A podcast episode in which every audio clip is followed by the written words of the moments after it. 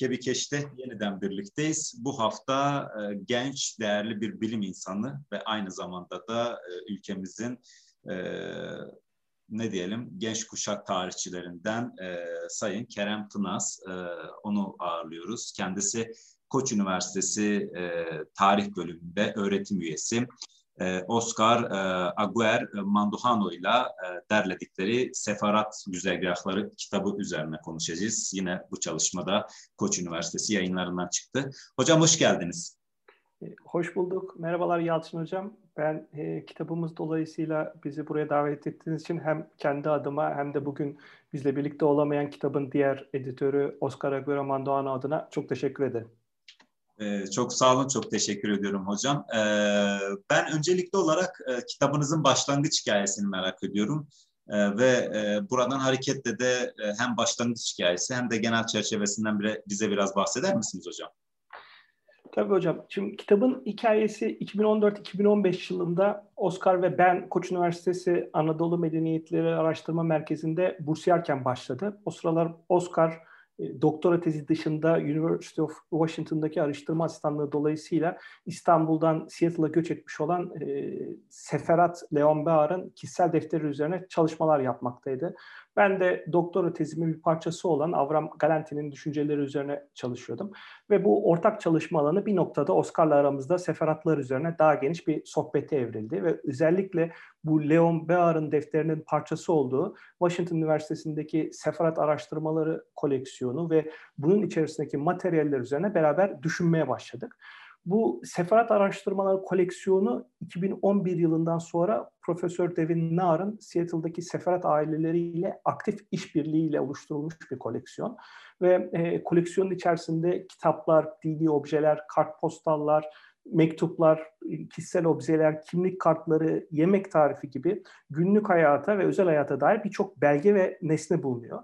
Biz bu nesnelerin Osmanlı'dan Seattle'a gitme güzergahları üzerine kafa yorarken bir yandan da üniversite ve e, seferat toplumunun işbirliğiyle oluşturulmuş böyle bir koleksiyonun tarihi anlamak ve anlatmak açısından önemi nedir diye tartışmaya başladık.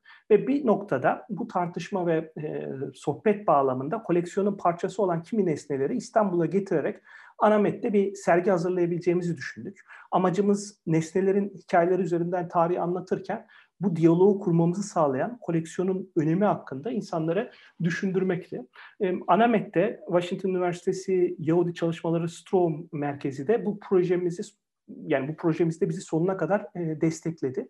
Ancak maalesef iki sene kadar çalıştıktan sonra teknik kimi nedenlerle sergiyi iptal etmek zorunda kaldık. Fakat ortada konuyla ilgili ciddi bir diyalog oluşmuştu ve biz bu diyalog yarım kalmasın e, istedik ve e, projenin ana soruları yani bu tip koleksiyonların mahiyeti nedir ve bu tip koleksiyonlar özelde seferat tarihini daha geniş ölçekte ise Osmanlı tarihini ve mirasını anlamamız açısından bize ne gibi kapılar açıyor soruları üzerinden konuyu kitaplaştıralım istedik ve sonuç Seferat güzergahları e, oldu.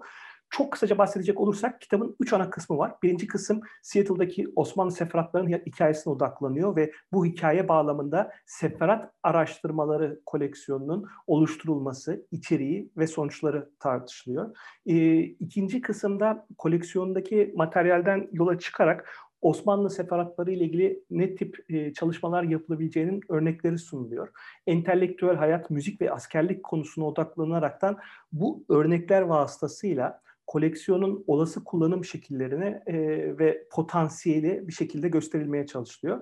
Koleksiyonun e, hikayesi ve koleksiyondan çıkabilecek çalışmalarla e, yani koleksiyondan çıkabilecek çalışmalara örnekler e, verilerek okuyucu desteklendikten sonra da üçüncü kısımda daha genel değerlendirmelere geçiliyor.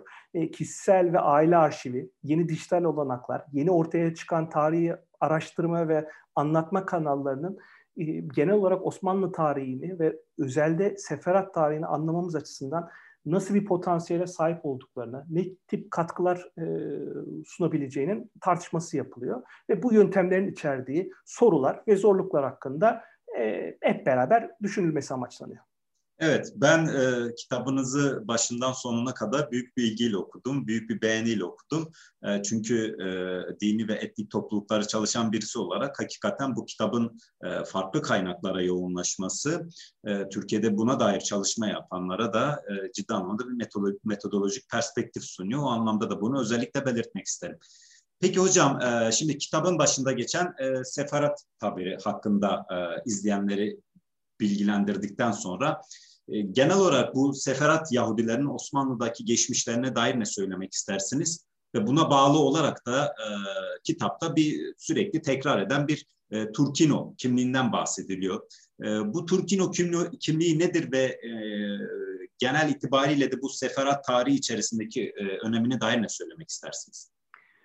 Şimdi e, Osmanlı seferatları Osmanlı Yahudi toplumu içerisinde merkezi ve aktif rol oynayan en önemli kültürel grup. Osmanlı'ya gelmeden önce yüzyıllar boyunca İberya Yarımadası'nda yaşayan bu Yahudi toplumu 1492 yılında İspanya'yı terk etmeye zorlanmalarıyla o topraklardan ayrılıyorlar ve önemli bir kısmı ilerleyen 10 yıllarda kademeli bir şekilde Osmanlı topraklarına göç ediyorlar. Osmanlı topraklarında seferatlardan önce de Yahudi gruplar mevcut ancak e, seferatların gelişiyle daha sonraki uzun yıllarda İstanbul, Selanik, Edirne, Bursa, İzmir, Rodos gibi önemli Osmanlı merkezlerinde dinamik ve gözüken bir Yahudi nüfusu ortaya çıkmış oluyor. Konuştukları Ladino dili veya e, Judeo-Spanish, Judaismo gibi farklı isimlerle de anılabilir. Seferatların kimlik ve kültür hayatının en önemli ve ayırt edici unsuru diyebiliriz. Bu dil temelinde 15 ve 16. yüzyıl bir İspanyol lehçesinin özelliklerine sahip. Ancak Osmanlı topraklarına geldikten sonra Türkçe, İbranice, Rumca ve Arapça ile sıkı bir etkileşim içerisine giriyor ve e, bu şekilde gelişimini sürdürüyor. Çok kaba hatlarıyla seferatların Osmanlı topraklarındaki 400 yıllık tarihine baktığımızda oldukça dinamik bir yaşam sürdüklerini belirtebiliriz. Özellikle 16. ve 17. yüzyılda e, gelen göçmenler kendileriyle beraber e, düşünsel ve finansal, ekonomik bilgi, birikim ve ilişkileri de getiriyorlar ve e, yerleştikleri yerlere ciddi katkıları oluyor. Bu toplumun üyelerinin 18. yüzyıl ve 19. yüzyılın en başında önceki yıllara göre hem sosyal ve kültürel olarak hem de ekonomik olarak biraz içine kapandığını ve sessizleştiğini söyleyebiliriz. Ancak 19. yüzyılın ikinci çeyreğiyle birlikte Osmanlı Yahudilerinin yaşamında da e, yaşamında ve dinamizminde ciddi gelişmeler ve e, hareketlenmeler e, oluyor. Buradaki hareketlenmenin e, kabaca üç nedeni var. Bir, e, Yahudi cemaatinin kendi içindeki belli grupların cemaatin Osmanlı toplumuna daha iyi entegre olabilmesi için e, cemaatin belli dinamiklerini güçlendirme isteği ve çabaları. İki, Batı merkezli Yahudi kurumlarının ki bunların en önemlisi Alyans İsrail Universal'dir e, veya batıdan kimi Yahudi bireylerin Osmanlı içerisindeki Yahudi cemaatinin şartlarının iyileşmesi ve yaşadıkları geniş topluma daha iyi entegre olmaları için girişimleri. Üç, Osmanlı Devleti'nin Osmanlıcılık siyaseti çerçevesinde oluşturmaya çalıştığı kapsayıcı ve daha eşit sistemin getirdiği yenilikler veya Yahudi milletinin kendi amaçları bağlamında sunduğu kimi teşvikler.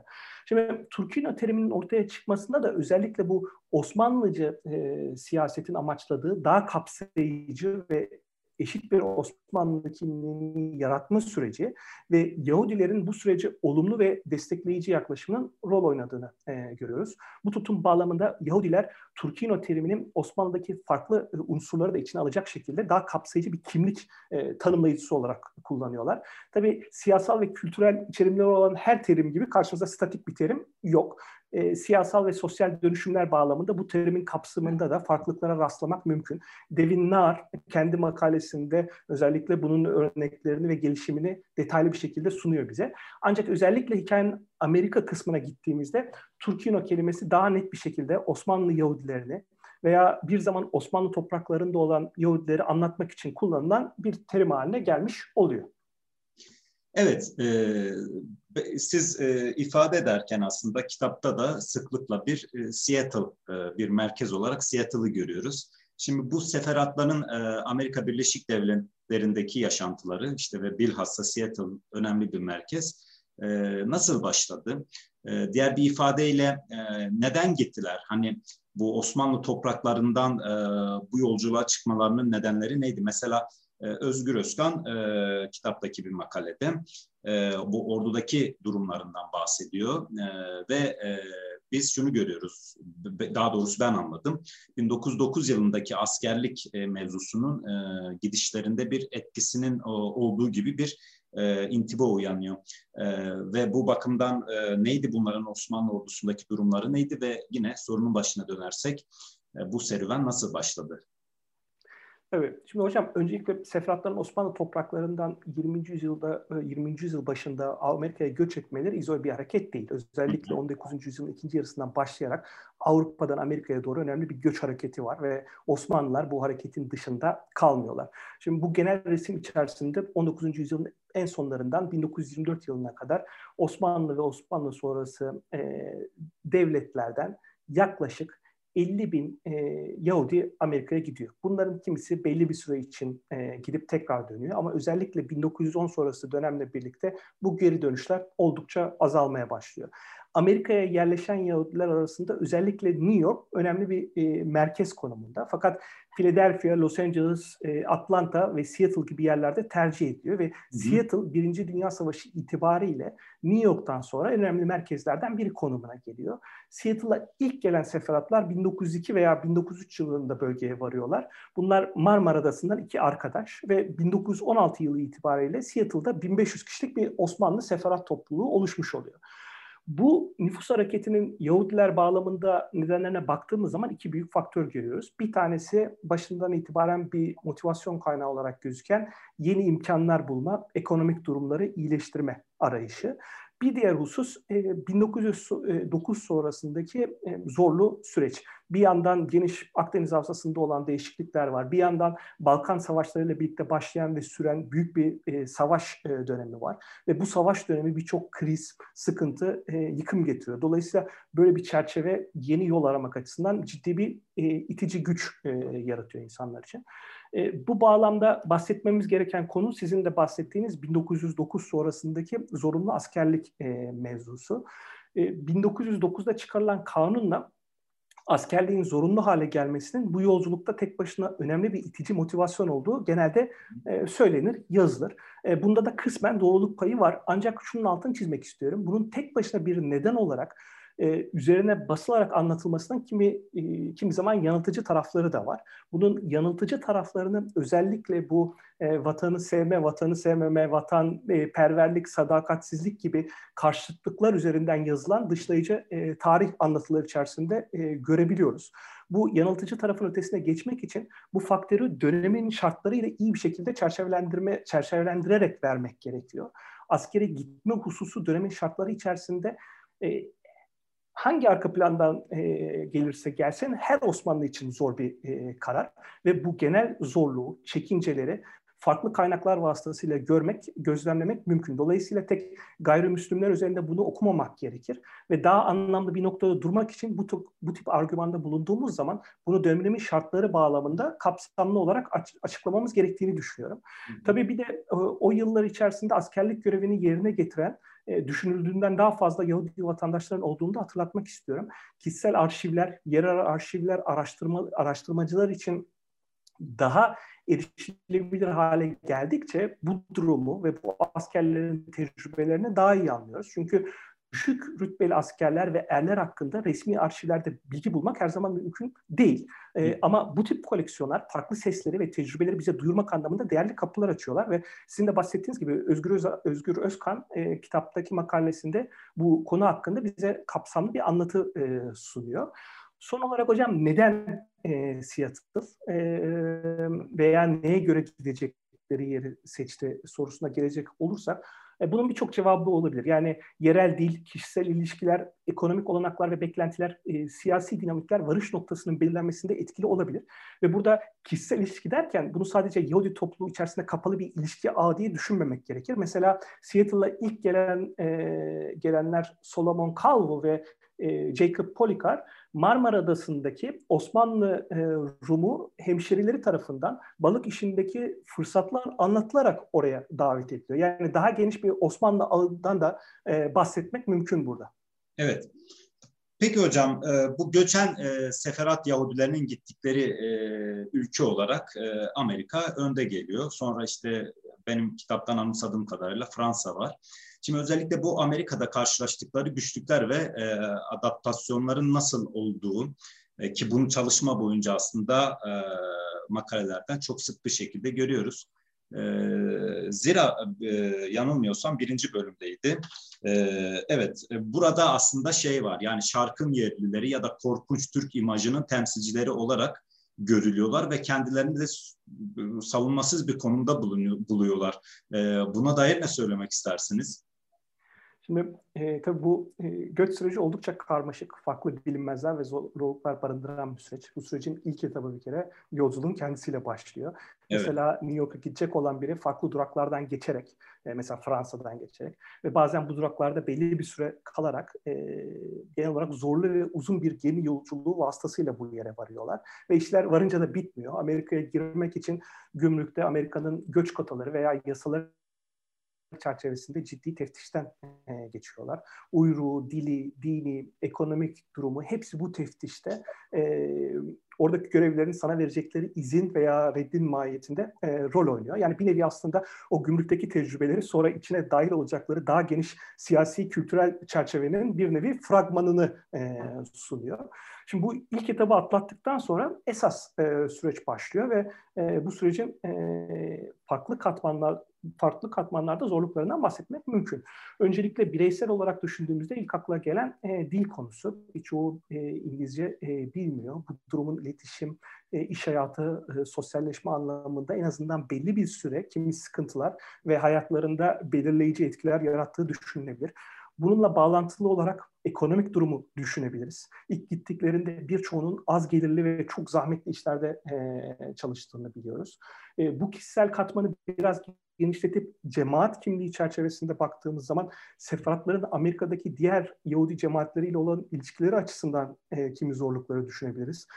E, Amerika'daki Yahudi nüfusunun önemli bir kısmını Aşkenazlar oluşturuyor ve Aşkenazlarla sefaratlar arasında dilsel ve kültürel ciddi farklar var. Kimi zaman e, Aşkenazların seferatları Yahudi olarak bile görmediği örnekleri gözlemlememiz e, evet. mümkün. Bunun da ciddi bir dışlanma durumu oluşturduğu söylenebilir. Ve bununla yine ilgili kimi örnekleri kitapta görebiliyoruz. Ve e, daha geniş perspektiften ya daha geniş perspektiften Amerikan siyasi ve toplum yapısının yarattığı farklı zorluklar var genel olarak baktığımızda e, o dönemde Amerika'da ırk ve medeniyet anlayışına dayalı bir nevi hiyerarşik bir toplum ve kültür e, yapısı var. David Nahr bunları detaylı bir şekilde e, anlatıyor. E, bu yapı içerisinde Batı medeniyetinin bir mensubu olmak, beyaz olmak, Hristiyan olmak e, bu hiyerarşinin daha avantajlı seviyelerinde bulunmak demek.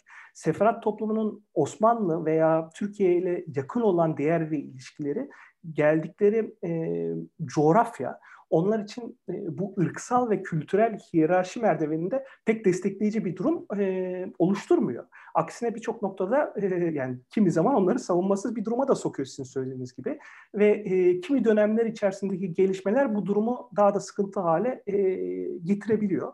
Tabii bu zorluklara karşın seferatlar durmadan aslında bir adaptasyon ve müzakere süreci içerisinde olduklarını, e, kendi kurumlarını ve kendi kanallarını aktif bir şekilde oluşturduklarında belirtmemiz e, gerekiyor.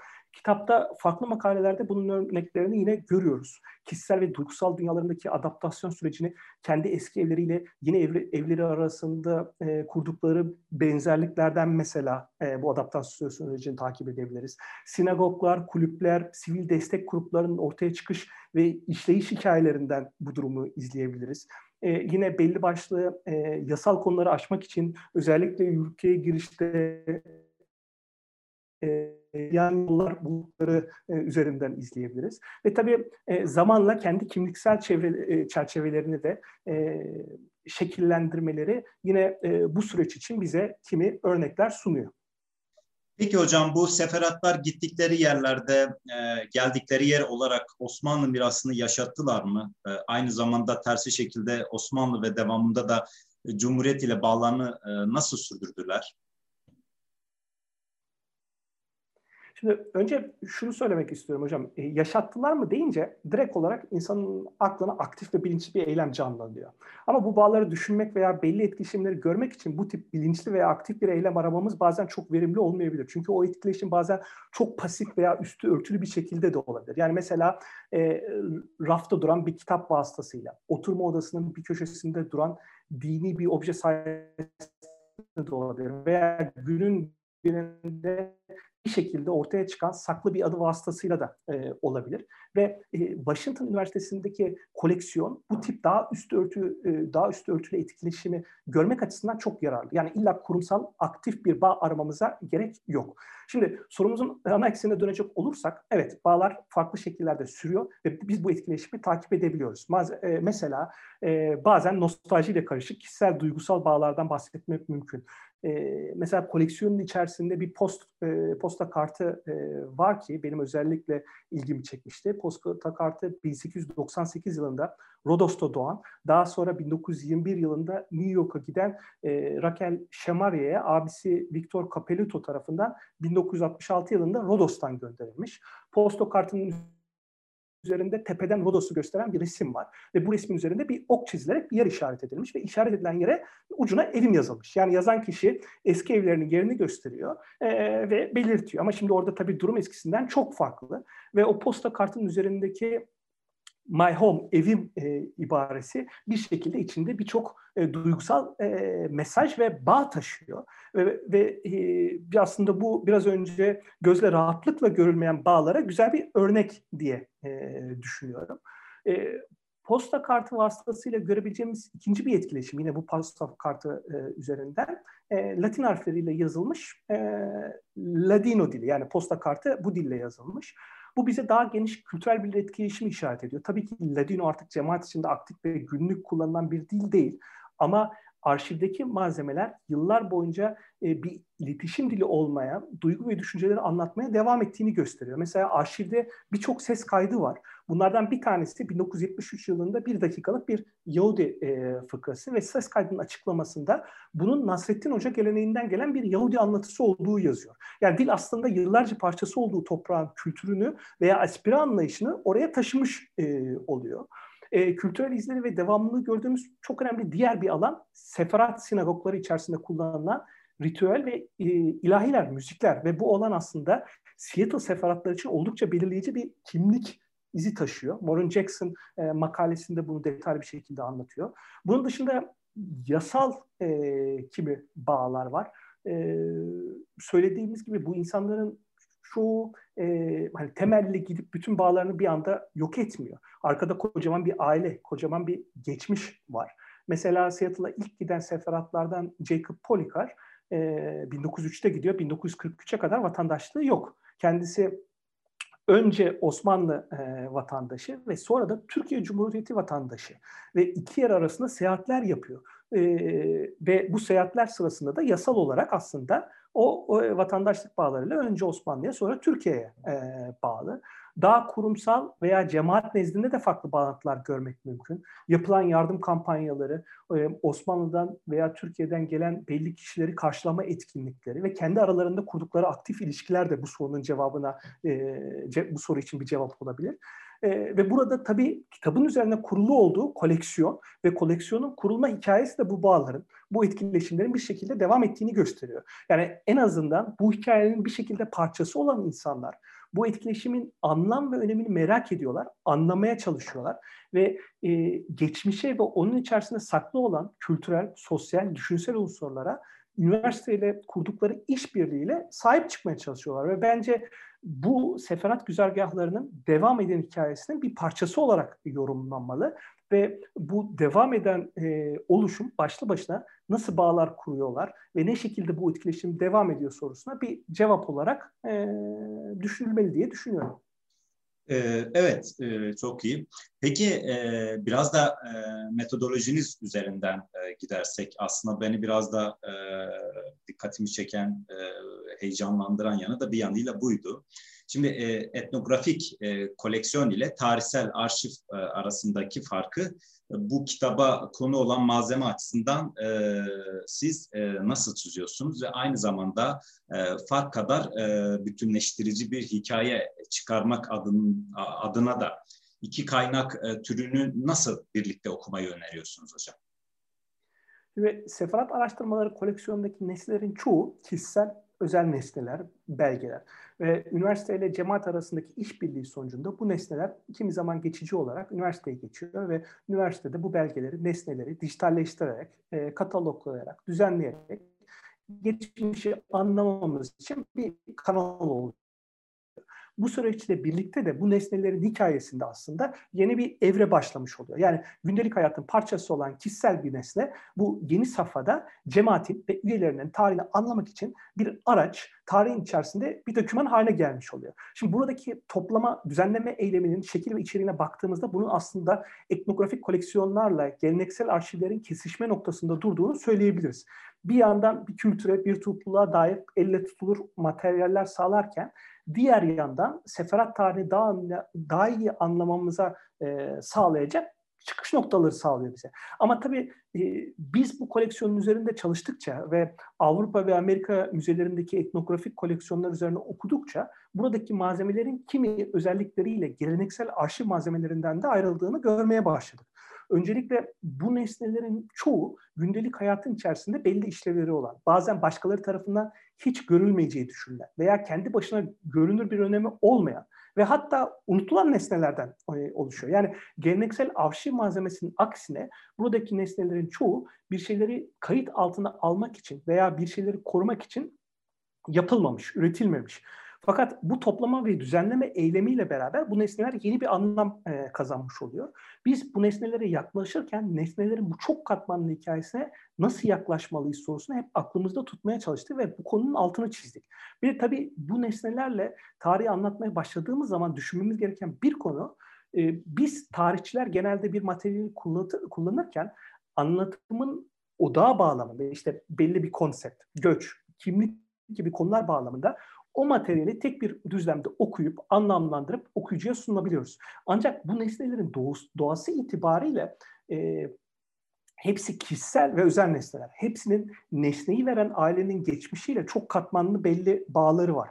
Kimi duygu ve düşüncelere verdiği belli bir ses veya belli bilinçli bir sessizlik var. Bu objeler üzerinde çalışırken bu çok yönlü kişisel bağları e, düşünmemizin gerektiğine e, inanıyoruz. Yani kitapta bu belgelere e, belli bir okuma şekliyle yaklaşılmasını kesin çizgilerle öneriyoruz diyemem. Ancak belgeler belgelerle yazılabilecek farklı tarih anlatılarından örnekler sunarken bu belirttiğim hususlar bağlamında sorular soruyoruz ve okuyucuyu bizle birlikte düşündürmeye çalışarak bir diyalog oluşturmayı amaçlıyoruz. Peki yine buradan hareketle gidersek e, siz e, kitabın e, nasıl bir e, metot ile okunmasını öneriyorsunuz? Hem kendi bağlamında hem de örnek olacağı çalışmalara. Yani şimdi e, tabii e, her okuyucu kendi perspektifiyle, e, kendi sorularıyla kitaba yaklaşacaktır ve kendine göre belli çıkarımlarda bulacaktır. Kimisi müzikle ilgili olduğu için o konuyu okuyabilir, kimisi direkt olarak örnek incele, incelemelere odaklanabilir, kimisi de baştan sona okur. Yani tek bir metot, tek bir yaklaşım vardır demek işin doğasına uygun olmaz. Ancak tabii ki biz editörler olarak e, kitabın konuşmanın başında biraz e, bahsettiğim kendi düzeni içerisinde baştan sona okumasının yararlı olacağını belirtebiliriz. Çünkü kitabın içerisindeki düzen bir yandan bütün resme ulaşmak için belli bir mantığı izliyor. Bir yandan da okuyucunun kitabın kendi hikayesini veya güzergahını anlamasına yardımcı oluyor. Bir de kitabın içerisindeki makaleleri okurken bu tip üniversite ve toplum arasında e, yapılan işbirlikleri, kişisel arşivlerin erişilebilirliği ve yeni teknolojilerin tarihi anlama ve anlatmamıza nasıl katkıda bulunabileceğini veya bunların var olan tarih anlatılarının ötesinde bizi nasıl götürebileceğine dair geniş soruları hep akılda tutmak yararlı olacaktır. Bununla beraber tabii biraz önce bahsettiğim bu, bu tip koleksiyonlardaki malzemenin mahiyeti nedir? Nasıl yaklaşılmalıdır? Bağışçı, nesne ve tarihçi arasındaki ilişkinin dinamikleri nelerdir gibi sorular da önemli. Yani kitaba bu tip aktif sorularla yaklaşmak kitapta sunulanlarla okuyucu arasında daha keyifli ve, ve, ve verimli bir e, sohbet ortamı yaratabilir diye naçizane düşünüyoruz diyeyim. Ve tabii her türlü metodun ötesinde olur da bir kişi sadece bir makale okuyacağım diye kitabı eline alırsa diliyoruz ki makaleyi bitirdiğinde konu hakkında o kadar heyecanlanır ki bütün kitabı baştan sona okur ve kitaptaki e, sohbetimize dahil olur. Eyvallah. Zaten e, her biri e, çok değerli araştırmacıların e, makaleleriyle katkı sunduğu bir kitap derlemesi. Şimdi ben bir de son olarak e, bu derlemenin hem e, derleyenlerinden olmanız hem de içerisinde bir makaleniz olması hasebiyle ve aynı zamanda da bu toprakları e, farklı bir şekilde ilgilendiren bir isim olarak aslında Avram Galanti'den bahsediyorsunuz. Ee, bin e, yanılmıyorsam 1943-46 yıllar arasında Türkiye Büyük Millet Meclisi'nde de medusluk yapıyor kendisi.